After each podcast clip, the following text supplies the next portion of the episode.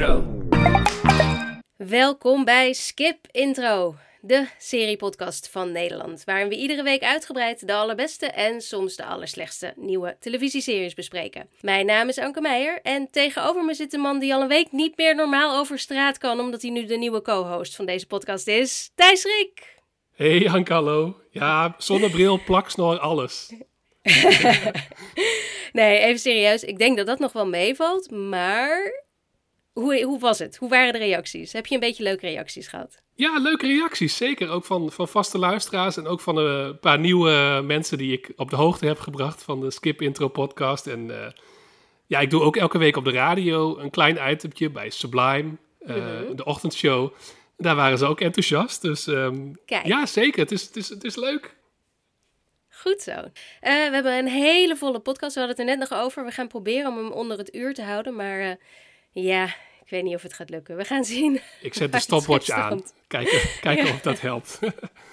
ja, precies. Laat me maar even weten als we richting het uur gaan. Nee, ik zal zelf ook proberen het in de gaten te houden. Dat is nu toch echt mijn taak geworden. Maar ik, uh, ik vind het gewoon te leuk om te praten over al deze dingen. Mm, alhoewel het eerste nieuws allemaal nog wel een beetje, beetje, ja, wat is het? zorgwekkend is wat er uit Hollywood komt natuurlijk. Ja. Uh, om te beginnen met het feit dat uh, de HBO Max-serie Winning Time is gecanceld. Dat, uh, dat nieuws kwam mij vanochtend ter oor. We nemen dit op maandagochtend, maandag op. En um, ja, ik, ik was er nog niet aan begonnen. Maar ik stond echt op het punt. Want een paar weken geleden hebben we het in deze podcast nog over de serie gehad. En ik was deze week ook op Twitter of X of hoe het tegenwoordig ook heet, waar uh, iemand die ik volg en die ik, uh, die ik altijd wel heel erg vertrouw wat betreft uh, zijn serie smaak en serie um, liefde. Die was hier ook helemaal laaiend enthousiast over en een van de beste dingen die hij in tijden had gezien. dus ik stond op echt op het punt om weer te gaan kijken. Alleen nu dit. Ja. ja. En de stekker is er überhaupt ja. aan begonnen? Ik heb toen de eerste aflevering gekeken toen het eerste seizoen begon, maar ja, mij raakte het niet helemaal. Ik weet ook, ik kon niet helemaal de vinger erop leggen. Maar soms heb je ook, dat kennen we allebei ook, dat er dan veel dingen tegelijkertijd lopen. en dat dan gewoon een serie een beetje uit je, uit je vizier verdwijnt. Dat had ik met Winning Time. En ook bij het tweede seizoen dacht ik van, nou, als ik tijd heb, ga ik er misschien toch aan beginnen. Want de recensies waren weer uh, best enthousiast. Ja, steeds, steeds enthousiaster eigenlijk ook, ja. Dus dit is dan wel weer toch misschien zo'n slachtoffer van, uh, van Zaslav, hè? de CEO van Warner Bros. Discovery, waar ja, die wel toch wel een beetje de zondebok is en, en van alles eigenlijk ja, wat misgaat. Hij hakt, in, uh... hakt keihard erin als het niet genoeg scoort of als hij denkt dat het niet genoeg scoort. En, uh, ja, want de makers wilden door. Die hadden nog interviews gegeven dat ze allerlei plannen hadden voor ja, die, een serie over het basketbalteam, de Los Angeles Lakers. Um, ja. En wat ik hoorde, ik heb het zelf dus niet gezien, is dat ze nog vrij haastig nog een soort einde eraan vast hebben geknoopt. Ja. Maar uh, ja, dat het niet ja. de bedoeling was. Ja, en nu, is het, nu zag ik ook wel de grappen voorbij komen. Zo van, oh jee, wat moeten we nu doen? Nu weten we niet hoe het met dit basketbalteam afloopt. Wat natuurlijk, ja, we weten allemaal hoe het met het basketbalteam afloopt. Tenminste, ik weet het niet, want ik weet helemaal niks van de LA Lakers. Maar ik kan het gewoon op Wikipedia allemaal opzoeken. Um, dus het, wat dat betreft is het, is het niet zo erg als soms bij series dat je je dat je nooit meer zal weten hoe het met je favoriete personage gaat aflopen. Maar toch, ik vind het, uh, ja, het, het, heeft wellicht met de staking te maken. Het heeft zekers te weten met HBO Max en Discovery en alle ja, bezuinigingen te maken. Um, vind het slecht teken, vind het jammer. Ja, het geeft ook wel aan, vroeger had je toch vaak ook dingen die niet heel goed scoorden, maar toch een soort critical darlings waren. Of die een bepaald mm -hmm. wat kleiner, maar wel fanatiek publiek hadden dat daar zeker bij HBO gewoon wel ruimte voor was. Dat je soms een soort van blockbuster had, maar soms ook gewoon wat kleinere series die, um, ja, die wel geliefd waren. En het ja. lijkt erop dat, ja, als, dat, dat, daar steeds minder plek voor is. En zeker niet alleen ja, bij in, HBO, maar ja. In deze tijd denk ik dat mijn favoriete all-time serie The Leftovers... Uh, niet eens een tweede seizoen had gekregen, laat staan een derde. Mm -hmm. Terwijl dat toch echt uh, uh, misschien wel een van de beste seizoenen televisie die ooit gemaakt is, is wat mij betreft. Wat is jou, dat weet ik nog niet, Thijs. Hoe sta jij tegenover de leftovers? Dit is wel oh, echt even make or break hoor, dit. Mensen, hier, dit is heel spannend. oh jee. Hier komt een soort, uh, wat voor jou Breaking Bad slash uh, Better Call Saul nee. is. nou, ik heb dus wel seizoen 1 gekeken. En uh, wat daar, ja, dat zal iedereen denk ik zeggen, dat ze daar nog een beetje zichzelf moesten vinden. Ja. En ik ben toen afgehaakt. En ik heb toen wel heel vaak gelezen van ik moet eraan beginnen, je moet eraan beginnen. Ja. En dat is bij mij dus niet gebeurd. En uh, dat is mijn, uh, ja... Uh. Ja, maar ik, kijk, ik Thijs heb echt iets van twintig seizoenen die ik moet inhalen. Jij hebt er maar twee, hè? Het zijn er maar twee. Ja, ja, En het ja. zijn ook niet zo lange seizoenen. Nee, ik vind echt, zodra je de kans hebt, oh, moet je ik dit dacht dat er meer waren doen. van de leftovers. Was er niet vier of Nee. zo? Nee, oké. Drie seizoenen maar. Oké, nee, dan, dan heb ik, ja, dan, dan heb ik Geen weinig, excuus. weinig excuus. dus Zeg zeker, ik. Zo, ik- zo kreeg ik deze week een berichtje via Instagram van een luisteraar die zei van nou hartstikke leuk eh, een nieuwe co-host heb je goed gedaan. Maar eh, trouwens over heel Breaking Bad en, ehm, en Sal, hoe durf je überhaupt over het herkijken van series te praten als je die nog niet hebt gezien? Dat was ook een soort van wijzend vingertje in mijn Instagram DM's.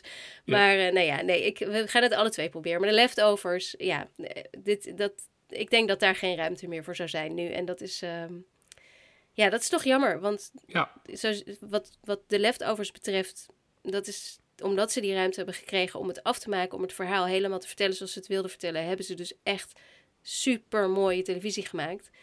En dat hadden we in deze tijd nooit gekregen. Dus ik, ik nou ja, ik hoop over die stakingen, eh, nu gaan we het over stakingen hebben, dus over de stakingen gesproken, ik hoop dat het echt allemaal snel opgelost gaat worden. Ja.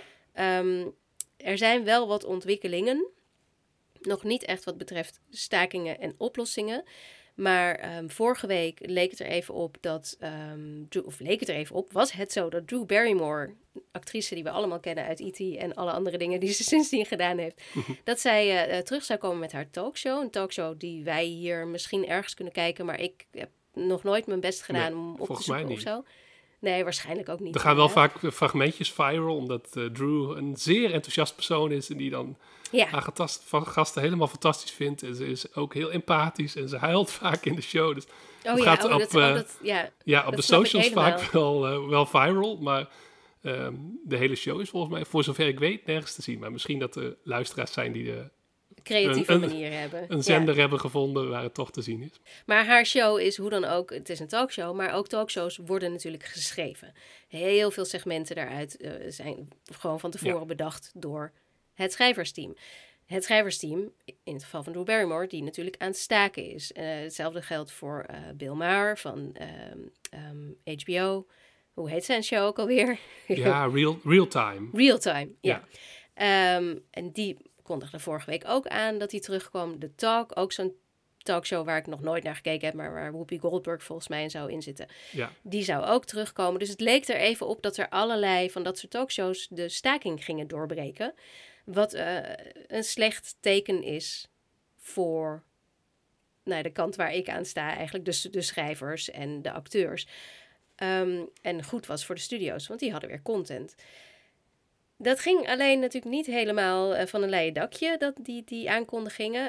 Of nou, die aankondigingen die gingen prima, maar vervolgens werd daar op social media nogal heftig op gereageerd. Zeker op Drew, ehm, Ja. ook op Bill Maher, maar die trekt zich er echt helemaal geen ene kloot Ja, van aan. dat- Want die gast, die, ah, nee, die heb ik sowieso niet zo hoog zitten. nee, nee, die is een beetje, ja, die houdt van een beetje trollen ook wel. En, eh, Precies. Dus Ja. dit was perfect voor hem. Nou, die komt nog terug. Maar Drew, Barrymore heeft zoveel ellende over zich heen gekregen. Terechte ellende, want ze was gewoon de staking aan het verbreken. En, en ook al zei ze dat ze het deed om haar team te helpen.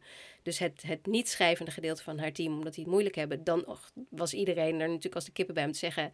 Drew, je bent heel rijk. Je kunt ze ook nog wel even ondersteunen. Zoals andere talkshow-hosts, late-night hosts, Ja. eh, allemaal wel doen. Dus er was heel veel gedoe. En toen heeft ze een soort van excuusvideo geplaatst. Wat ehm, ook door heel veel mensen eh, werd omschreven als een hostage video. Omdat ze echt met, met betraande ogen. En nou ja, het is nog net dat ze geen krant ophoudt om te zeggen: Ik. eh, ehm, ja, het is nu september 2023 en ik zeg dit uit vrije wil of zo. Maar het was, echt, het was, het was wel een beetje gênant. Zo gênant dat ze die weer offline gehaald heeft.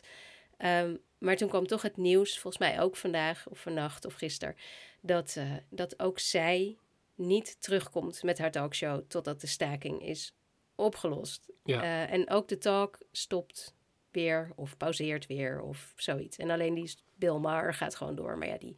Ja. Hè? Maar het was ja. nogal wat, zeg. Ja, en dat geeft wel aan dat... eh, God, we zijn natuurlijk eh, nog geen half jaar, maar het is volgens mij de vijfde maand in elk geval van de schrijvers. En Vijf maanden, de, ja. er ontstaan scheurtjes en je snapt ook wel waarom die spanningen ontstaan. Want er, er, is veel frustratie en terechte frustratie. Maar ja, nu krijg je, ja, als je niet echt als één uh, sterk staat, dan, dan, dan sta je zwakker in de onderhandelingen. En ik denk dat, dat haar ook duidelijk is gemaakt. Dus het is in die zin goed dat ze snel terug is gekomen van haar uh, fout. Um, maar ja, dit ga je natuurlijk meer krijgen al, hoe langer het duurt. Dus um, op het moment dat wij het opnemen, hebben ze gezegd: we gaan weer aan tafel ergens deze week. Voor ons is nu nog niet bekend wanneer. Um, maar ja, gaat, daar gaat niet meteen iets uitkomen. Dus die, die hebben niet meteen een deal. Dus dat, dat gaat waarschijnlijk nog wel weken, hopelijk weken, geen maanden meer duren. Ja, um, ja.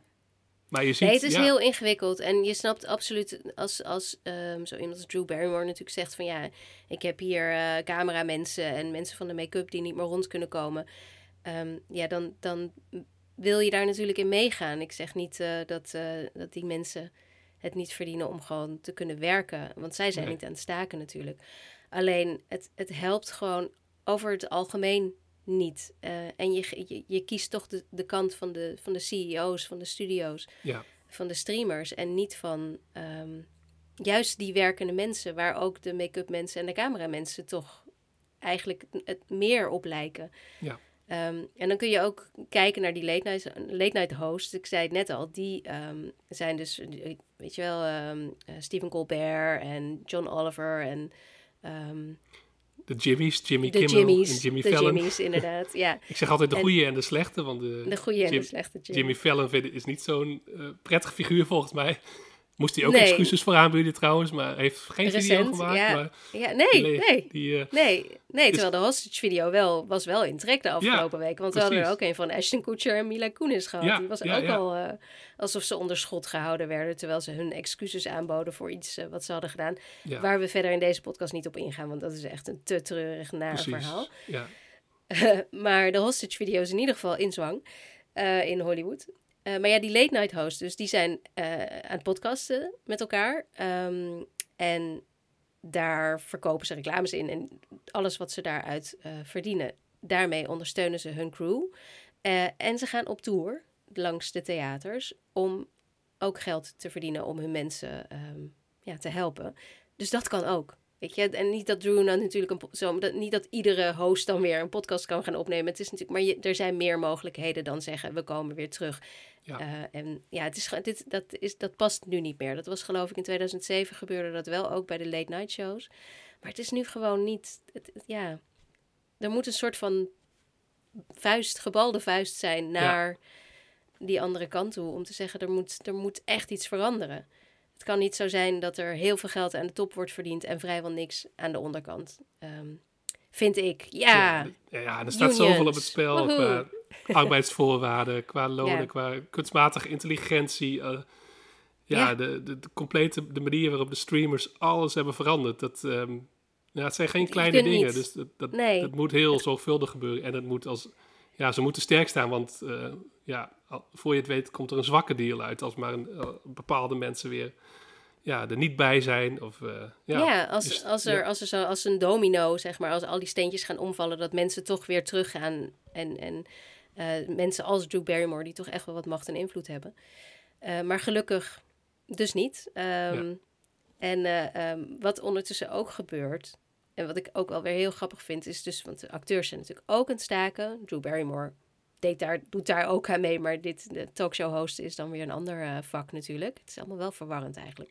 ja, Maar eh, ehm, wat er dus ook gebeurt, is dat de acteurs op eBay eh, allemaal dingen aan het veilen zijn. Persoonlijke dingen en persoonlijke tijd ook. Om geld in te zamelen om ook crew, eh, dus die crew die, die nu niet Ja. van films en series die niet aan het werk kunnen. ja, specifiek te helpen. crews. Ja, Ja, het, zijn, het is niet zichzelf, maar de crews inderdaad. Wat ik onwijs tof vind. En ook omdat er gewoon hele leuke dingen worden geveild. Jij hebt er Ja. volgens mij iets over geschreven deze week. Dus jij, vertel eens. Wat had je, ja of daar ben ik, eigenlijk, eh, ben ik eigenlijk mee bezig. Als ik de podcast heb opgenomen, dan ga ik mijn column inleveren erover. Oh, dan moet hij nog. Oké. Dus ehm, dat komt nog, maar als de mensen dit horen, is de column er ook. Maar ja, Hollywood is Hollywood en de creativiteit is er natuurlijk nog steeds. En ehm, ja, eBay, de marktplaats van uh, Amerika. Uh, er staan allemaal leuke dingen. Ik vond de leukste zelf uh, Natasha Lyon, waar we het vorige week veel over hebben gehad. Van Russian Doll en nu Pokerface. Die is ook fan van kruiswoordpuzzels. En die zegt van, ik ga je helpen met de kruiswoordpuzzel van de New York Times. Die volgens mij de meest legendarische van, de, van Amerika is. Heel moeilijk. Ik ga je daarmee helpen, maar ze heeft ook al gezegd van, of ik heb ergens gelezen van, uh, ja, het is maar de vraag of zij er goed in is. Dus het kan ook zijn dat je helemaal geen goede antwoorden Maar het is hoe dan ook leuk natuurlijk. Maar je gaat een half uurtje chillen met haar. Dus je wil haar suggesties toch hebben. Ik denk dat je juist, ja, oh, lijkt me fantastisch. Kan ook heel filosofisch worden natuurlijk. En uh, ja. Lina Dunham van Girls, uh, die schijnt heel goed te zijn in muurschilderingen. Dus die gaat een muurschildering voor iemand maken. Ehm, de enige echte Bob Odenkirk gaat samen met zijn maatje uh, David Cross. Voordat Bob Odenkirk Saul werd van Better Call Saul, was hij ook ja, meer een cultcomiek. Samen met David Cross hadden ze samen ook mhm. een satirisch programma. En je kunt een, uh, bieden op een etentje met die twee. Voor, uh, hij staat nu voor 10.000 dollar, staat hij, ik zag het, staat ja, erop. Ik zag het. Dat is de hoogste, die heeft het meeste geld al binnengehaald, ja. Maar ik denk dat dat een heel vermakelijk etentje zou zijn. Er staan allemaal wel kleine lettertjes bij van, uh, nou ja, je moet, volgens mij moet je ook een soort background check ondergaan. Kan ik me ook wel voorstellen als je gewoon... Uh, ja, Ze laten niet zomaar iemand aanschrijven. Ze laten niet zomaar... Ik, denk, ik weet niet of wij door de, door de selectie zouden komen. Ik denk het wel. Vast ik denk het wel. Vast ja. wel. Um, en Adam Scott, die gaat met je hond lopen. Die gaat je hond uitlaten. Als ik een hond had, zou ik erop bieden. Ja, John Litko die maakt dan weer een, uh, een portret van je hond. Die kan een schilderij maken. Dus allemaal hele leuke dingen waar ook best wel veel geld uh, ja. uh, ingestort ja. worden. Ik zag inderdaad dat die mural van Lena Dunham, die staat al op 5100. En Natasha Lyons um, crossword puzzle is al op 6100. En uh, ja, een John Lithgow schilderij van een hond, die gaat nu op 44,50. Dat kan wel iets meer, denk ik. Dat kan iets, iets, meer. Hoger. Ja, volgens ja. mij staat daar ook bij dat hij niet in person gaat doen. Dus hij gaat niet je mag hem niet ontmoeten. Hij gaat het, oh, hij gaat het naar je opsturen. Dus dat is dan God, ja, het is toch leuk om iemand te ontmoeten. Maar... ik zou eigenlijk ook wel, maar ja, die, die moet dan weer van Netflix komen, dus dat werkt niet zo. Maar ik zou eigenlijk wel het portret van John Lithgow als, um, uh, hoe heet die, de premier uit The Crown? Um, Churchill, toch? Churchill, ja. de bekendste Britse premier ongeveer ooit. Op uh, Thatcher, met Thatcher, zou ik zeggen. Oké, John Lithgow's portret als uh, Churchill in The Crown die heeft hij verbrand, volgens mij tenminste. Dat was het, in het verhaal zo. Maar die, die, die, zou ik ook nog wel, daar zou ik ook nog wel op bieden, denk ik. Ik weet niet waar ik hem neer zou hangen, want hij past niet in mijn interieur. maar dat lijkt me ook wel leuk. Maar die staat er dan weer niet bij, want dat is natuurlijk eigendom van Netflix. En dit zijn allemaal dingen van de acteurs zelf. Ja. Uh, en uh, ja, wat ik zelf, waar ik zelf wel eigenlijk best wel interesse in zou hebben, zou uh, de relatieadvies squabble noemen ze het. Dus eigenlijk een beetje een soort van uh, ruzietje tussen Rosemary DeWitt en Ron Livingston. Uh, uh, twee acteurs die dan jouw relaties, relatieadvies gaan geven, maar daar ondertussen ook een beetje over gaan bekvechten. Dat, lijkt, dat leek mij ook wel weer heel erg leuk. Ja, eigenlijk. superleuk. Allemaal creatieve dingen. En het gaat natuurlijk niet het verschil maken, maar het geeft wel aan van je kunt andere manieren vinden om geld binnen te halen. Ja. Ja, je kunt, uh, je kunt inderdaad iets doen, uh, um, iets anders dan de staking verbreken. En zoals je net al zei, um, straks uh, deze week ergens gaan ze weer in overleg. ik geloof dat het de w, WGA is, dus de schrijversbond, die heeft aangegeven aan de studio's en de streamers van kunnen we weer gaan overleggen. En die hebben toen gezegd, dat is goed, we gaan een datum prikken. En dat is ergens deze week. Maar wat dat dan betekent, dat, ja, dat weet je niet. En, en eigenlijk was de beurt wel aan de, aan de streamers en de studio's. Want die uh, um, ja, hebben eigenlijk niet meer gereageerd op de, de counteroffer van de WGA. Dus ik, ik, ik, weet, ik weet niet wat het allemaal betekent. Ik weet het echt niet. En uh, ik hoop alleen maar dat er snel een goede deal inderdaad uitkomt. Gaan we nu door naar de uh, dingen die deze week, de nieuwe series die deze week uitkomen. En dat zijn opvallend. Ik bedoel, er komt natuurlijk vast en zeker wel meer uit. Maar wat wij in deze aflevering gaan bespreken, dat zijn opvallend genoeg geen Amerikaanse series. We beginnen toch echt wel een beetje te merken volgens mij. We hebben een Britse serie, we hebben twee documentaire series uh, en een Duitse serie. En uh, ja, ze zijn allemaal de moeite waard, dat sowieso. En we beginnen met, uh, met de Britse serie Sex Education. Call in and tell me your problems. There is another sex therapist on campus. Otis.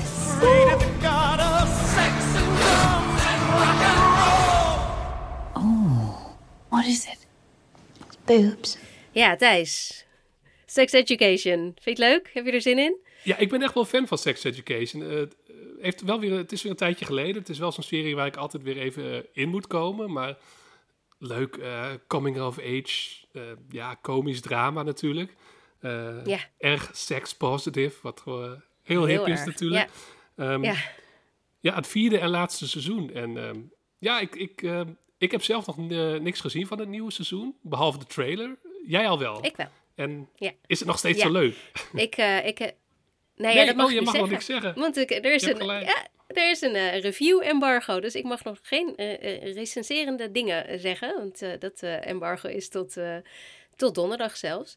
Wat meestal slecht teken is als het zo lang duurt. Maar aan de andere kant is dat nu tegenwoordig zo normaal dat al die embargo's op de dag zelf ongeveer zijn, op de dag van de release. Dat je, ja, het is gewoon eigenlijk heel irritant. Maar ik kan het, ja jeetje, het is gewoon sex education. Als je de eerdere seizoenen leuk vond, dan ga je niet teleurgesteld zijn. wat ik wel mag zeggen, ja, de formule is niet, uh, niet heel erg veranderd. Uh, wat ik wel mag zeggen is waar het ongeveer dit seizoen over gaat. Uh, we hebben natuurlijk, we komen op een nieuwe school, want uh, Moordale is niet meer.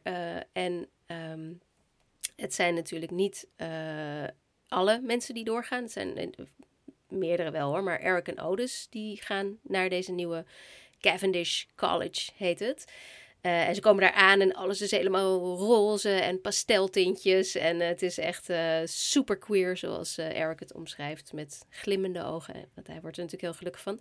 Het is ook een school waar ze niet aan papier doen, waar niet gegossipt wordt, want dat is naar. En waar iedereen heel groen en voortschrijvend. Dus het is eigenlijk, ik, ik heb een stuk geschreven voor de VBO-gids en ik omschreef het een beetje als alsof sex education uit 2023 heeft gekeken naar het eerste seizoen van Sex Education uit 2018 en dacht, nou, dat kan allemaal nog wel wat vooruitstreven. Ja. Diverser, inclusiever, beter. Ja. Um, en zo, uh, ja, zo is het ook wel uh, uh, een beetje. En wat ik vooral heel interessant gaan vind, want je hebt natuurlijk al de, onze lievelingspersonages. Je hebt Eric en Otis en je hebt um, um, Gillian Anderson natuurlijk, die, die ja. een baby heeft en dit moet proberen te combineren met, uh, met haar werk. Wat, de moeder uh, van Otis. Ja, de moeder van Otis. Wat natuurlijk vreselijk moeilijk is. En ze, ze is ook wel postnataal. En nou ja, in de eerste aflevering zie je er, zie je er uh, op een gegeven moment tijdens een sollicitatiegesprek haar kind aan de borst leggen. En ehm, ik voelde me niet gezien als in dat ik dat ooit gedaan heb. Dat niet. Maar ik vond het wel vond het fijn om te zien ja, als moeder. Ja, vond het fijn om te zien. Dus uh, en wat ik ook heel, wat ook heel leuk is, en wat ik ook al in een, stuk van The Guardian heb gelezen hierover, dus dat mag ik ook verklappen, is dat uh, Cal, uh, de, een personage die in het vorige seizoen, non-binair personage dat in het vorige seizoen is geïntroduceerd, krijgt nu ook een grotere verhaallijn. Net als twee nieuwe personages, en um, meerdere nieuwe personages wel hoor, maar die zijn volgens mij, voor zover ik in de eerste aflevering kon zien, allemaal queer. En uh, één is een trans vrouw en de andere een trans man. Uh, en daar is heel bewust um, voor gekozen door Laurie Nunn, onder andere de hoofdschrijver van uh, Sex Education. Omdat, wat ik dus in het Guardian interview las, dat um, het gaat natuurlijk belachelijk veel over trans onderwerpen. En dat is belachelijk vaak heel negatief en ja, ja. ja alarm, alarmerend en onzin. Gewoon één paniek. grote ja. Precies, één grote bullshit uh, um, narrative die daar omheen is gefabriceerd. Uh, en waar, wat zij terecht ook signaleerde, is dat het vrijwel nooit gaat over de verhalen van daadwerkelijke transpersonen.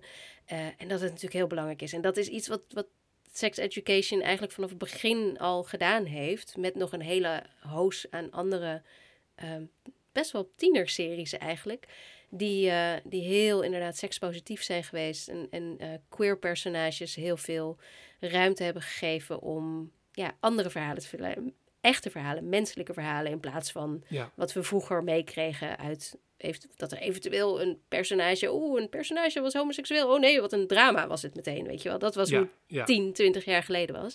En dat was in, in deze series allemaal niet het geval. En dat, uh, dat dit laatste seizoen dit ook een beetje voor, voor uh, transpersonages lijkt te doen, is natuurlijk alleen maar heel erg goed. Heel erg fijn. Ja, fijn dat het er, ja, het was altijd super inclusief, super divers en dat is het nog steeds. En zeker ook in Engeland, waar je natuurlijk, uh, nou ja, J.K. Rowling, die ook zichzelf heeft laten zien als, nou ja. ja. laten we niet te ver daarop ingaan. Nee, maar, in Engeland is dit heel erg nodig, inderdaad. Waar ben je in godsnaam mee bezig? Um, dus het is fijn dat deze serie, dat, ja, dat de maker ook zegt van... Uh, dit laten we ook zien en we laten ook trans vrouwen, trans mannen... Um, en ik neem aan ook gewoon, een, ja, zonder dat we al te veel in details uh, treden... Ja, met, met veel respect en ook gewoon vanuit het perspectief, ja. niet alleen van... Uh, nou, Zeker, de acteurs zelf hebben ook mee mogen denken en schrijven aan de verhalen. Of schrijven, dat weet ik niet zeker, maar ze hebben in ieder geval wel hun input gegeven. Dus dit is niet... Uh, dit is niet bedacht. Zo van, nou, ik denk dat het zo zit. Hier zit daadwerkelijk een, uh, een, een ja, goed team achter die hier respectvol mee omgaat. Dat tenminste daar, ik heb ook nog niet alles kunnen kijken, maar daar ga ik helemaal van uit. Um, ja, en wat, wat vind jij? Heeft dit nou, um, heeft deze serie heel veel voor inderdaad die inclusiviteit en diversiteit op televisie betekend?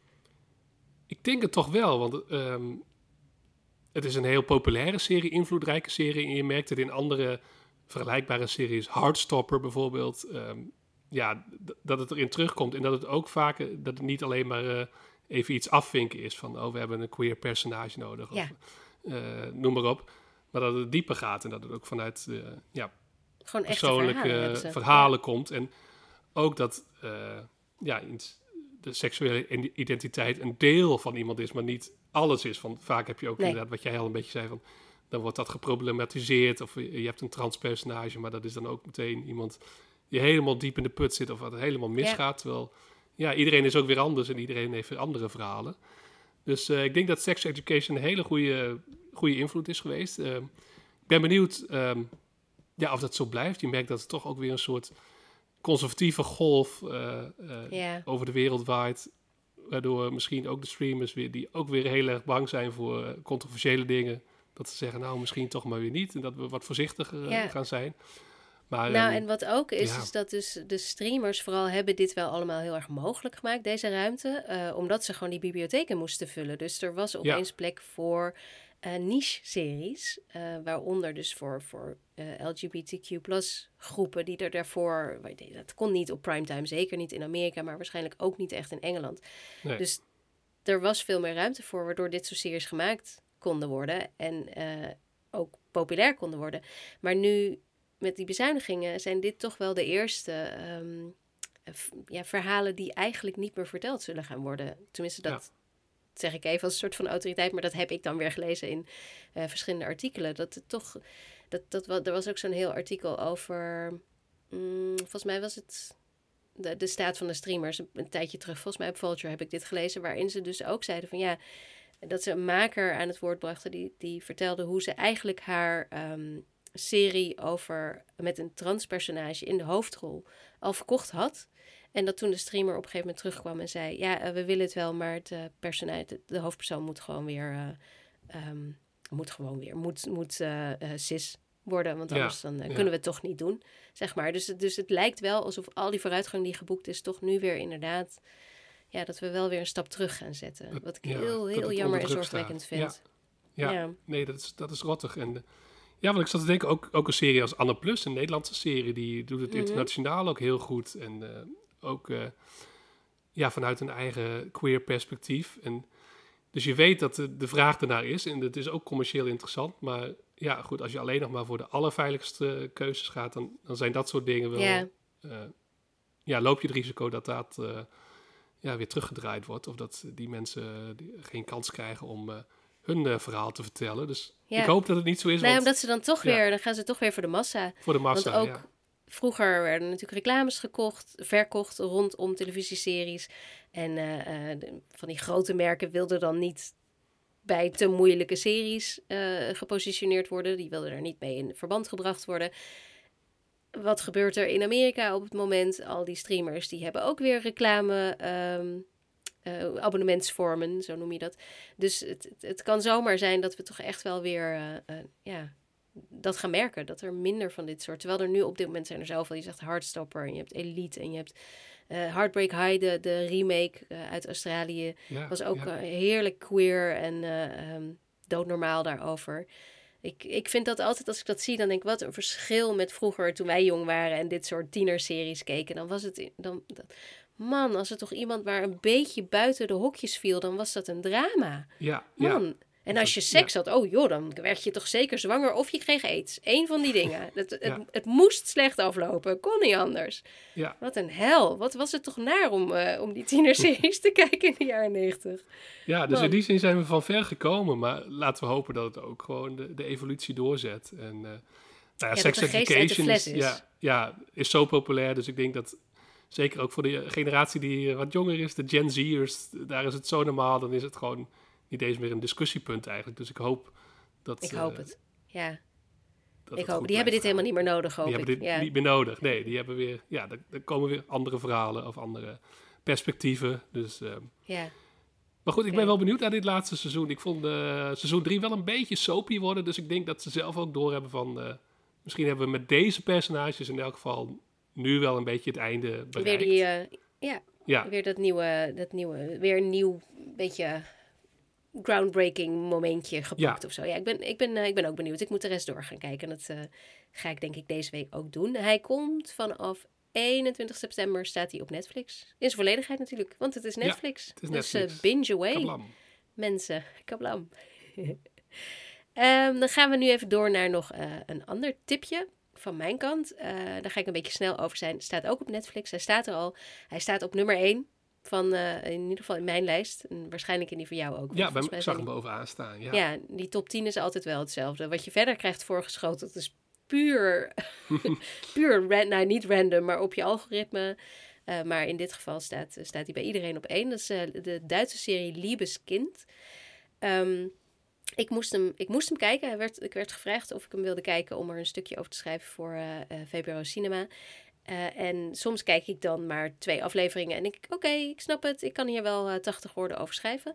Maar in dit geval wilde ik niet meer stoppen, want ik vond nice. het zo ontzettend leuk. Ja, uh, of nou leuk, het is helemaal niet leuk. Het is best behoorlijk gruwelijk. Het, het gaat over een vrouw die ontsnapt uit een um, ja, situatie waar ze...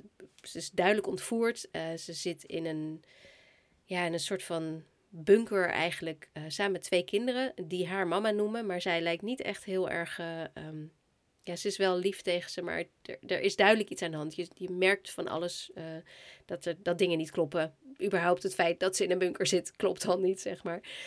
En dan ontsnapt ze, springt ze voor de eerste beste auto um, die, die over de weg rijdt waar ze is. En wordt ze naar het ziekenhuis gebracht.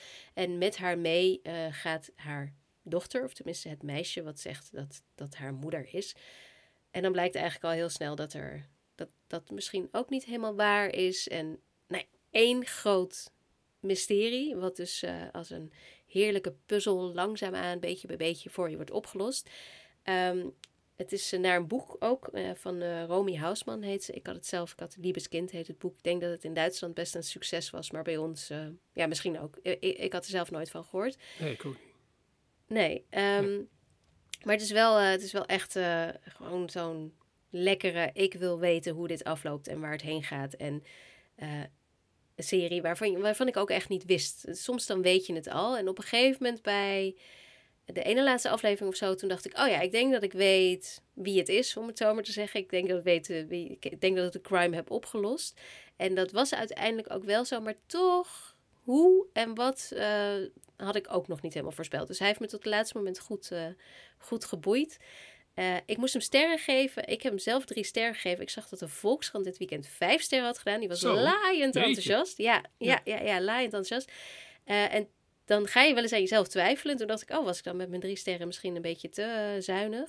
Maar ik sta er nog steeds achter, omdat ik gewoon vind dat drie sterren hoeft niet te betekenen dat het niet goed is. Nee. Ik vond het namelijk gewoon wel, ik vond het goed, ik vond het leuk. Ik heb er met heel veel plezier naar gekeken. Maar er waren ook momenten waarop ik dacht, oeh, ik vind deze acteur niet zo heel uh, overtuigend. Of, uh, en dan, dan wordt het voor mij gewoon geen vier, laat staan vijf sterren. Nee. Uh, gewoon een hele leuke kijktip. Gewoon lekker wegkijken, bingen. Uh, hij komt niet in mijn beste series van het jaar, maar ik, ik ga hem wel iedereen tippen. ja, niet iedere serie hoeft ook helemaal geniaal te zijn natuurlijk. En drie sterren is gewoon eh, voldoende. En ja, ja. ja, ja ik, ik, ik hanteer, had ik jou dat verteld? Ik hanteer een nieuwe, uh, nieuwe sterren, um, soort van, ik heb een tekeningetje uit de um, uit ja, Amerikaanse heb je verteld. Ja, ja, heb ik verteld, heb ik jou verteld. Ja, soms weet ik niet meer wie ik het vertelde. Of jou, podcast, Hans of Alex. Of, ja, ik denk het wel. Ja, ik denk het wel. Nou ja, en, dat, en het, de, het drie sterren poppetje zit gewoon rechtop en met een glimlach ja. naar het scherm te kijken. En dat was ik. Ja, ik zat niet precies. te joelen of te klappen. Ik stond niet op mijn stoel te juichen. Ik zat gewoon rechtop met een glimlach. En daarom zeg ik drie sterren. Super wat solid. de Volkskrant ook zegt. Ja, nee. Fuck de Volkskrant. Nee, grapje, grapje, grapje.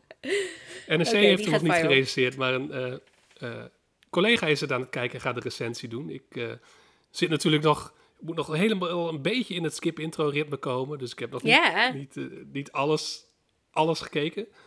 Maar misschien kunnen we door naar de volgende serie, want dan kan ik wel vertellen wat ik heb gekeken. Daar kun je uitgebreid over vertellen. Ja, nee, we gaan zeker... Een mooi bruggetje, Thijs. Nee. Ja, ja, ik We keek even naar de klok. Ik dacht, oeh, we moeten door, we moeten door. Gaan nu door naar. We hebben twee documentaires. ehm, die we eigenlijk alle twee los van elkaar hebben gekeken. Jij hebt op Netflix de documentaire Wrestlers gekeken. Ik eh, op Apple TV Plus ehm, de documentaire The Supermodels. Ehm, waar wil je eerst? Wil je Supermodels of Wrestlers doen? Eh, laten we aan, de onderkant van de maatschappij beginnen. eh. Bij de serie Wrestlers, een docu-serie. van de maker eh, van een andere hele leuke docu-serie. Die heet eh, Cheer. Daar zijn twee seizoenen Mhm. van gemaakt over... een- Ja, waarin een Amerikaans eh, cheerleaders team volgt. En ja, daar heb ik heel veel van geleerd. In de zin van, dat was een wereld die ik totaal niet kende. En dat bleek dus echt een wereld van stunts en van pijn en van... ja, heel veel drama te zijn. Dus daar ja, net in- zo hard werken als de mensen op het veld, hè? Ja. ja, precies. En qua sport misschien nog wel, wel harder dan de, de voetballers zelf. Alleen de maker daarvan, ehm, ja, Greg Whiteley heet hij, die heeft nu een serie gemaakt, Wrestlers, over worstelaars, over ja. showworstelaars. Dus ehm, ja, waarschijnlijk ken je wel Hulk Hogan, The Rock, John Cena, die compleet over de top gespierde, gespierde showmannen zeker, Ehm, zeker. van WWE, wat echt een soort eh, ja, miljardenbedrijf is inmiddels en wat de hele wereld over gaat. Maar daar heb je ook hele kleine organisaties die eh, daar ook aan doen. Eh, en die worden gevolgd, ja, zo'n organisatie wordt gevolgd in Wrestlers. Eh, de organisatie OVW, Ohio Valley Wrestling. Ehm, Ja. ja, en dat zijn dus worstelaars die het eigenlijk willen maken, die het landelijk willen maken. Ze hopen allemaal in de WWE te komen, de World Wrestling Entertainment. Ehm, Ja, dat is waar we Hulk Hogan en zo van dat kennen, is waar we Hulk Hogan, The. Rock, John Cena. Eh, Dave Ja. Batista, die nu ook gewoon een filmster is geworden, eh, komt ook van Ohio Valley Wrestling. Want vroeger was dat een soort opleidingstraject voor de WWE. Was het ook onderdeel Ja, dat daarvan. vond ik heel. Ik heb het eerste stukje van de eerste aflevering gekeken. Ja, en dat vond ik ja. echt super interessant, inderdaad. Dat het vroeger dus had je, had je heel veel van die lokale, Ja, ja, wrestling, ehm, hoe zeg je dat, gemeenschappen of zo. ja waar- organisaties, federaties. organisaties. Ja, Waar, inderdaad dan, als ze bij, bij, bij de, de, de hoogste worstelorganisaties hadden... hé, hey, dit zijn interessante, leuke talenten. We sturen ze even naar de regio waarin ze lekker kunnen gaan oefenen. En, Ja. en zichzelf kunnen gaan vormen. ja. Dat vond ik heel interessant. Alleen dat is dus dat dat systeem is afgeschaft. En sindsdien zijn al die lokale organisaties omgevallen, behalve deze ene. ja. De, En laatste... daar, en daar gaat deze man dus een documentaire over maken. Het is Ja. zo, ik, vond, ik ben echt, ik, ik zat na een half uur, ik, heb, ik zat echt alleen maar Hans liep voorbij. Ik zei, dit is echt zo leuk, dit is zo leuk. het is super ik vind interessant. al deze personages leuk. Ik wil ze allemaal leren kennen en ik hoop zo ontzettend dat het goed gaat aflopen met ze. Maar het zal Ja. wel niet. Nee, het is een beetje zo'n klassiek underdog verhaal inderdaad. Van, Ja. ja, ja ze, ze hebben een droom en ze moeten nu nog in een soort kleine gymzaal zitten ze dan. En eh, voor 10 man publiek, 20 man publiek. Nou, ik vond er stond best een rij. Er stond Ja, best een er grote rij. zijn ook grotere Een shows hele- inderdaad. En ze hebben zelfs een, heel enthousiast publiek ook. ja, en ze hebben zelfs een eigen tv-programma, dat volg je dan ook. Er is Ja. één man die soort van trainer, regisseur, scriptschrijver is. En dan elke week gewoon iets van een uur televisie maakt met die worstelaars. Dat is El Snow, toch? El Snow, ja. Of want, niet? Ja, Ja, want worstelen, het is een soort mix van theater, soap, eh, atletiek. Natuurlijk is het nep tussen aanhalingstekens gewoon, want er staat vast wie er wint. Maar dat ma doen ze ook, maken ze geen enkel geheim van, dat hoort gewoon bij de show. Ze zeggen ook Ja, van het is- publiek dat weet heb ik dat dus- ook. Ja. Ja, dat heb ik dus nooit begrepen aan worstelen. Zeg maar, toen ik dat vroeger kwam, kwam Hulk Hogan inderdaad dan wel eens voorbij op tv. En dan dacht ik altijd, ik snap het niet. Ik snap niet wat dit is. Dit is gewoon theater. Waarom vinden mensen het interessant? Waarom leven ze erin aan, in mee en zo? Wat ik dus ook net leerde van dat eerste half uurtje van deze documentaire... van wel zeven afleveringen, geloof ik, hè? Ja, ja. Is dat, eh, ja, is dat het dus ontstaan is omdat ze aan match, matchfixing deden. Eh, dus, dus dat de wedstrijd, hoe zeg je dat in het Nederlands ook alweer, dat die gefixt wordt. Dus dat is van Ja, tevoren al de besluiten uitkomst er stond vast. en Ja, ja. En, ja. Eh, en, en dat dit toen dus, dat het is uitgegroeid in, nou dan gaan we er maar gewoon worstelen van maken. In plaats van dus bokswedstrijden of zo, die het waarschijnlijk waren. Eh, dat vond ik ook wel zo'n grappig feitje überhaupt.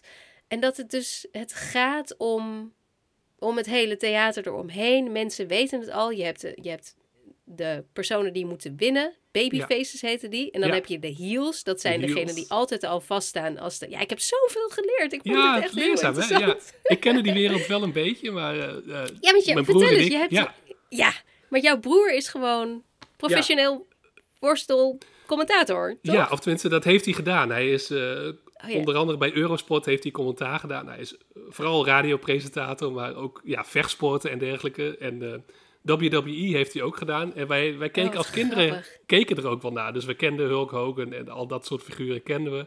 Dat vonden we altijd reuze interessant. Ehm, maar ja, hij is daar ook commentaren op gaan geven. Dus ja, dat, dat maakt ook weer zo toen ik zag van, dat deze serie eraan kwam, dacht ik van ja, dit moet ik ook moet ik gaan kijken. En ik appte mijn broer er ook meteen over van eh, ja, dit moet jij eigenlijk ook gaan kijken. Ik weet nog niet of hij, eh, want hij is druk, of hij, of hij het heeft gekeken. Maar, maar hij kent die wereld nog beter. En eh, ja, het is. Is hij er wel eens geweest? Ben jij wel eens bij zo'n... eh, Ja, zeker. Ze zijn ook wel eens naar Echt? Nederland geweest. Ik heb het ook eh, in Amerika wel eens gezien, maar ze hebben ook hier in de Ziggo Dome. Dus dat zegt ook wel wat over hoe groot die organisatie is. ja, 20.000 man of zo komt er dan eh, zelfs in Nederland op af. Misschien net iets minder, misschien 10.000. maar dat zijn wel de grote. Dat zijn wel dat de zijn grote. niet deze... dat zijn de Want dit is supersterren. echt... Dit is C, zeg maar. Je hebt de Ja. A-sterren, dan heb je B-sterren misschien. En dit is C. Ja, precies. Dus eh, het? Misschien zelfs D. D. Ja, het, het heel laag. En ja, je volgt dan ook ja, bijvoorbeeld één wat jongere ster. Die, haar moeder is ook worstelaar en zij wordt ook worstelaar. Maar nou, het is een typische probleemgeval. Dus ze heeft ook al heel jong een kind gekregen. Ze heeft ook misschien wat issues met criminaliteit, met misdaad gehad. Is niet helemaal duidelijk. Dat, dat wordt misschien nog op het eind uitgelegd, want ik heb nog niet alles gezien. Zij is degene die aan het begin zegt met enorme nepwimpers op. Ja. Zo van, als ik dit niet zou hebben, dan zou het niet goed met me gaan. Zou dat het niet goed met me gaan. Ja, dat zeggen bijna alle personages daar. eigenlijk wel, hè? Ja. Iedereen die wil worstelen, daar, daar zit toch, ja, die, die passen niet helemaal in de maatschappij of zo. En een, Nee. eh, die willen dan een soort, ja, je wordt een soort rockster, superster. Alleen dan, bij wrestlers is het op een vrij kleinschalig niveau, maar dat maakt het ook weer mooi, want dat maakt het authentiek. En de maker had ook gezegd van, ja, Ja. Het is juist, ik volg graag mensen die het nog niet hebben gemaakt, want die zijn veel opener, dus hij krijgt heel veel toegang. Maar hij doet het wel met respect, hij maakt het niet belachelijk van, kijk, deze gekke types is eh, Nee, eh, ja, nee. een beetje in zo'n ring in hun ondergoed eh, of in hun spandex rondrennen. Dus het is met veel respect gemaakt. En ja, ik heb er nog niet helemaal uitgekeken, maar dat ga ik zeker doen. Ja, want het is een fascinerend iets, een fascinerende wereld. Ja, en dat, dat zijn Ja, de wat beste ik net eh, al- docuseries waar je echt een Ja. inkijkje krijgt in iets nieuws. Nee, wat ik net al zei, ik, ik heb helemaal niets met, met wrestling, echt helemaal niets. Ik, ik vond Glow natuurlijk heel erg leuk, daar deed het me ook wel een beetje aan denken Ja, eigenlijk. zeker, De- ja. De, de, de, de vrouwelijke, want er zitten ook aardig wat vrouwelijke eh, wrestlers bij. En ik, wat ik gewoon meteen had, is dat ik al deze mensen ja, het beste gunde. Omdat ik ze allemaal prachtige vo- vond. En, en je merkt ook meteen dat ze inderdaad het niet allemaal even makkelijk hebben. En, en dat dit heel belangrijk voor ze is. Ik, ja, ik, vond, ik vond ook de spanningsboog met het idee dat je denkt... oh, het gaat eigenlijk niet goed. Het is nog de enige organisatie die überhaupt nog overeind Ja. staat. Ze zitten in geldnood. En ik zag al iets van twee investeerders die het hebben overgekocht... en die misschien niet het beste ermee voor. Ik, Ja. ik, ik vond het allemaal heel spannend. Ja, dat is een Meteen. beetje een, een soort van conflict wat ontstaat. Tenminste, de spanningsboog. Dat er wat geld in wordt gepompt door twee investeerders. Waaronder één soort populaire radio-dj.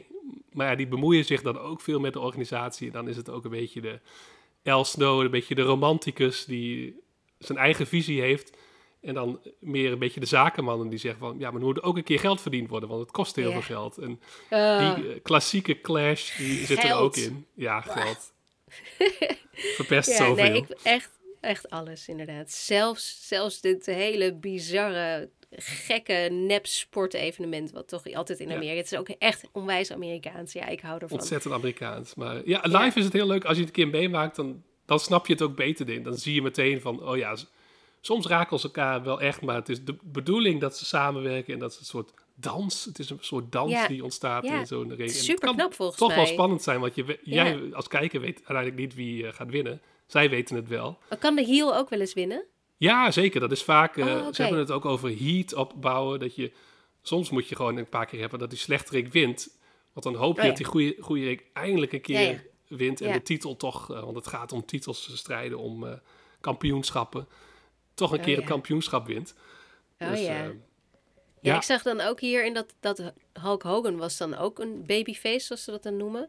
En zijn heels, dat, dat waren zeker in de jaren 80, 90, waren dat allemaal. Dus dan was hij de Amerikaan en dan ging hij Ja. de Russen verslaan. de Russen en eh, ten tijde van eh, de Irak-oorlog hadden ze ook iemand die dan eh, vrienden was met Saddam Hussein. En, eh, Oh, het is echt Glow inderdaad. Het- nou ja, Glow ja, heeft nee, het natuurlijk zeker. gewoon heel erg daaruit gehaald. ja, ja. Ik zie je soms, ik, ik zeg dat vaker in deze podcast, maar mijn wereldbeeld is zo ontzettend gevormd door alles wat ik op televisie heb gezien. En dan bedoel ik niet het nieuws zozeer als wel populaire cultuur. Dat het Ja. eigenlijk een beetje schandalig is. Maar ja, oké. Nou, ik vind het echt een hele, hele toffe documentaire. eh, die nu al gewoon helemaal op Netflix staat. Je Helemaal kunt op Netflix, kijken. ja. Kunnen hem nu kijken. nou. Ja, Echt, ik ga doorkijken. Want het, nou, het was dus jouw tip. En ik dacht, ik begin er alvast aan. En ik ben helemaal om. nou leuk. Echt. Ja. Echt onwijs leuk. Ehm, ja, dan, ik, ik ben ook wel enthousiast over de, de Supermodels, de andere documentaire. Ehm, maar, maar daarvan had ik wel iets minder als wat, wat ik, ik... Ja, het zijn geen underdogs, zeg maar. Ja, precies. Iets minder Eh, Cindy relatable. Crawford, Naomi Campbell, Christy Turlington, eh, eh, Linda Evangelista. Dat zijn niet echt de underdogs. Alhoewel eh, die laatste, eh, Linda Evangelista, wel een behoorlijk heftig schijnend persoonlijk verhaal heeft. Wat ook in deze Mm. docu-serie aan bod komt. Ehm, waardoor zij wel, zij, ja, van, van de vier supermodels is, heeft zij wel het, eh, het heftigste verhaal. Maar deze documentaire gaat dus over de supermodellen uit de jaren 90, eind jaren 80, begin jaren 90. Ehm, ik ben van mening dat zij, ze waren de eerste van hun soort. Want daarvoor had je nog geen supermodellen. Je had gewoon modellen. Je had de Modellen. modellen die in de bladen stonden. Die waren hartstikke beroemd hoor. De Twiggies en zo, die waren natuurlijk wel wereldberoemd. Ehm, maar die liepen niet de shows ook. De modeshows waren iets wat er los van stond. Dat was voor de industrie. Daar ging je als modeinkoper naartoe of als bladenmaker naartoe om te kijken welke kleren eruit zouden komen. De supermodels ehm, veranderden wat dat betreft alles, want die gingen ook de catwalks lopen, waardoor die, die, die fashion shows events werden. En zoals dat nu nog steeds is, dat is, weet je, dat is de plek waar je wil zijn als je iets met mode hebt. Ik heb in het begin van mijn carrière voor Elle eh, en Elle Girl gewerkt, dus ik, ik was nooit, ik was altijd degene die over series, films, muziek en dat soort dingen schreef. Maar ik heb dus wel iets van die modewereld meegekregen. En als Parijs of Milaan eh, was, dan, eh, nou ja, dan, moest, dan ging het erom welke belangrijke kaarten voor welke shows ze ze konden krijgen. Dat was dus voor deze supermodellen niet. En dat is dan een van die dingen die ik weer van deze documentaire heb geleerd. Ehm, wat ik heel interessant vond. Het is ook een ontzettend tijdsbeeld. Want ja, jij bent ook een kind van de jaren negentig. Ja, ja, jaar- ja zeker. Dat, geboren in de jaren 80, maar echt opgegroeid in de jaren 90. Ja, dus eh, hele bekende namen. Ik heb vlak voordat we begonnen even een klein stukje van de docuserie eh, gekeken, maar ik kon zien dat het, ja, het, het ziet er glad uit. En eh, volgens mij hebben ze alle relevante namen die ertoe doen, hebben ze ook wel voor de camera Zeker. gekregen. Ja, Ja, zeker. Ja, en dan ze hebben echt, het is echt een who's who in, eh, in modeland ongeveer.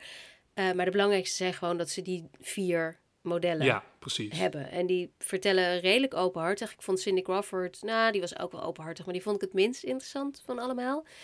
Ehm Naomi Campbell heeft natuurlijk een, een interessant verhaal sowieso, omdat zij ehm, als zwarte vrouw zo groot is geworden in die toch wel zeker discriminerende, racistische eigenlijk Ja. modewereld. Ja.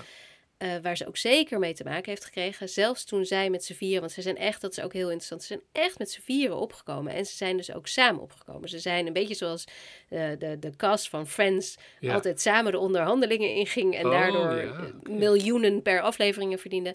Zijn deze vier vrouwen hebben ook eh, elkaar mee omhoog gestuurd. Eh, en op een gegeven moment was het zo dat ze merkten dat zij de shows, belangrijke shows mochten lopen, maar dat Naomi dus niet werd uitgenodigd. Eh, oh ja, ja. Drie keer raden waarom, weet je wel. Ja. En toen hebben ze ook gewoon een aantal, ik geloof niet Cindy, maar de andere twee, Linda en eh Christy, hebben toen ook gezegd, nou dan lopen wij ook niet. We komen alleen maar als Naomi ook, Ja. ook komt. Dus Echt dat soort dingen. vormen, ja. Ja, ja, en daarmee werden zij dus de machtigste vrouwen in de mode-industrie. In ieder geval de machtigste modellen van de mode-industrie.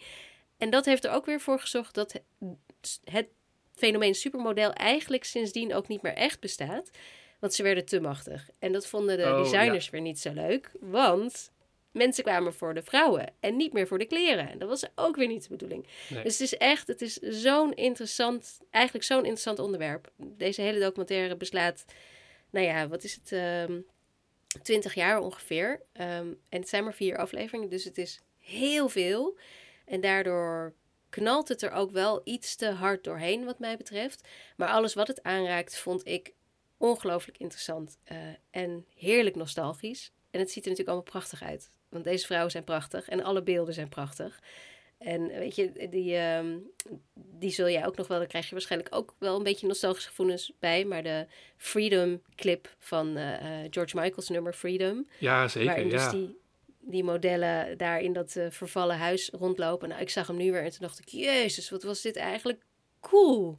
Wat ontzettend tof. En nou, ze vertellen er ook uitgebreid over hoe dat in zijn werk ging. En hoe ze gevraagd werden. En dat ze toch besloten van, nou oké, we doen het maar. En dat ze de tekst eigenlijk niet kenden. En, nou ja, het is, maar ook wat er daarna gebeurde toen ze dit deden. En wat dit betekende op dat moment. Dus het is echt, echt, echt heel, ehm, heel interessant. En ook omdat de modewereld nu natuurlijk niet meer is wat die toen was. Want toen was het gewoon, de camera klikte en dat is het moment waarop de magie gebeurde, zoals ze dat uitleggen in deze eh, documentaire.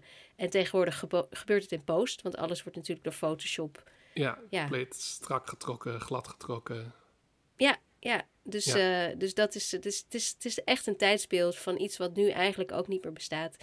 Ehm, waarvan ik alleen maar kan zeggen, ik had nog meer gewild. Ik had echt dieper op dat racisme bijvoorbeeld in willen gaan.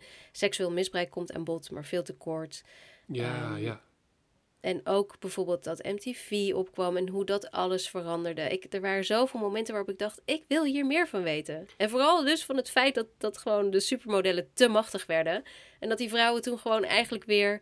Weet je wat ze toen gingen doen? Want die supermodellen waren natuurlijk heel eigen. Die, die, Mhm. Ja. die hadden allemaal een hele eigen look. En die waren bijna larger than life. Wat ze toen gingen doen was... ja. Ja, persoonlijkheden inderdaad. Wat ze toen gingen doen was allemaal eh, modellen uit het Oost, voormalige Oostblok halen. Die allemaal op elkaar leken. Zodat het niet meer om de modellen ging, maar dat het dus om de kleren Ja. ging. Ik vind het zoiets naars. Dat Echt. is wel weer nasty. Ja, dat, dat klinkt alsof inderdaad... Ze moesten een kopje kleiner gemaakt worden. En eh, ja, het, het voelde ook alsof het toen echt onderdeel was van de popcultuur. Inderdaad, wat je zegt, Ja. samen met MTV. En daar Ja. was natuurlijk ook volgens mij een beetje hetzelfde aan de gang. Ik weet nog dat eh, zelfs Michael Jackson in het begin niet werd gedraaid op MTV. Niet werd getoond, omdat het een zwarte artiest was. En daar weet ik nog van dat bijvoorbeeld David Bowie echt eh, de mensen van MTV zwaar onder druk heeft gezet van eh, als hij niet in beeld komt, dan wil ik ook niet gedraaid worden. Dus ehm, dat lijkt wel een beetje, dat liep natuurlijk enigszins parallel met elkaar. de- Nee, dat liep het Ja, ook. Ja. Naomi heeft uiteindelijk natuurlijk in die... Ja, en Naomi heeft weer in die videoclip van Michael Jackson eh, ja, klopt. gedanst. dat weet ik nog goed. Ja, toen was het ook echt een event als er een, een muziekvideo eh, getoond werd. En dan, Maar bijna alles wat ze hebben gedaan, als je dit zo ziet, alles wat ze hebben gedaan is bijna iconisch. Het is echt heel bijzonder. En, ja, en je zou het nu, ja, je zou er nu, nu zie je ze en ze zien er nog steeds prachtig uit hoor. Ehm, maar ja, je- je- we zijn gewoon in een hele andere tijd, dus ze zijn niet meer die iconen van die ze toen Nee. waren. Maar als je het terugziet, dan wauw. Ik was bijna vergeten, zeg maar. Dus ik vond, Ja. het, eh, ik vond het echt wel ook een hele toffe documentaire. Maar waarvan ik dus wel zoiets had van, ik wil eigenlijk, ik wil eigenlijk meer. ja. Maar hij heeft wel vier sterren van me gekregen. Terwijl, ja, dus dit- om maar aan te geven, het had, het, het had nog zoveel meer in zich. En dan was het gewoon een vijf sterren geweest, wat mij betreft. Ja. Stomme sterren. Stomme sterren. Die, eh, Stomme sterren. ja, er zijn weer nieuwe discussies. De, de boekenredactie van de Volkskrant schaft de sterren af. Ja, Eh, ik zag volgens het. mij de rest van de cultuurredactie weer niet. Maar ik ben eigenlijk wel Ik, eh, pro-sterren. Ik vind ook dat je gewoon ik soms ook. een keus moet maken van... Hè, even Nou ja, en daar, sinds ik dus mijn illustratie heb, waarover Ja. ik iedere week in deze podcast ga vertellen vanaf nu, blijf ik er gewoon bij dat het helemaal niet zo moeilijk is om sterren te geven. Want je voelt aan jezelf hoe je op die bank zit. Het, je Ja. voelt het, je weet wat je erbij voelt. En eh, als ik dan zo'n boeken, want ik was inderdaad het, het, boekenkatern aan doorlezen afgelopen weekend van de Volkskrant. En toen dacht ik, ja, nu weet ik niet meer waar ik op moet gaan inzoomen of niet, want ik zit op de iPad. Eh, ik vond het heel irritant. Ik vond het Ja. ontzettend irritant. Dus eh, wat mij betreft sterren, ja. Dus nou ja, vind ik ook een goed moment om te zeggen tegen luisteraars. Mensen, geef ons sterren op de podcast-app. Ja, Eh, vijf sterren. Ja, vijf, sterren. inderdaad. Ja, ja, dat moeten we wel Ja, krijgen. Je doet Helaas je hand omhoog. Kun je Ik in de nog zeggen- niet van die mannetjes eh, doen? Nee, nee, nee. nee maar die mag, drukken? die mag iemand wel van ons maken hoor. Dat zou ik echt heel leuk vinden. Als iemand kan tekenen, maak ze alsjeblieft van ons. En ik wil trouwens nog wel even zeggen: de Supermodels vanaf woensdag, vandaag dus, 20 september op Apple TV Plus. Voordat ik het vergeet. En dan moet Reuze je dat gaan ja. kijken, Wrestlers gaan kijken, eh, Sex Education gaan kijken, Liebeskind gaan kijken. Nou jongens, jullie hebben een hele drukke week. Maar dus ook vijf sterren geven in alle podcast-apps die je maar hebt voor deze podcast. Wat je ook kunt doen, is ons steunen via Patreon. Eh, daar kun je als eerste luisteren naar de nieuwe afleveringen iedere week. Ehm, wat natuurlijk fantastisch is. Dan heb je gewoon al een dag eerder toegang tot Skip Intro. De early adapter Eh, ben je dan. Ja, ook dat. Ook dat. Ja. En je steunt ons. En daar Ja. zijn we je ontzettend, ontzettend dankbaar voor. Ehm, en binnenkort komen er ook echt weer andere extra's. We, Ja. we zijn ermee bezig. Echt ja, waar. we hebben beloofd. leuke plannen klaarstaan. Dus eh, Ja, ja, get ready. Echt waar. Echt waar, echt waar.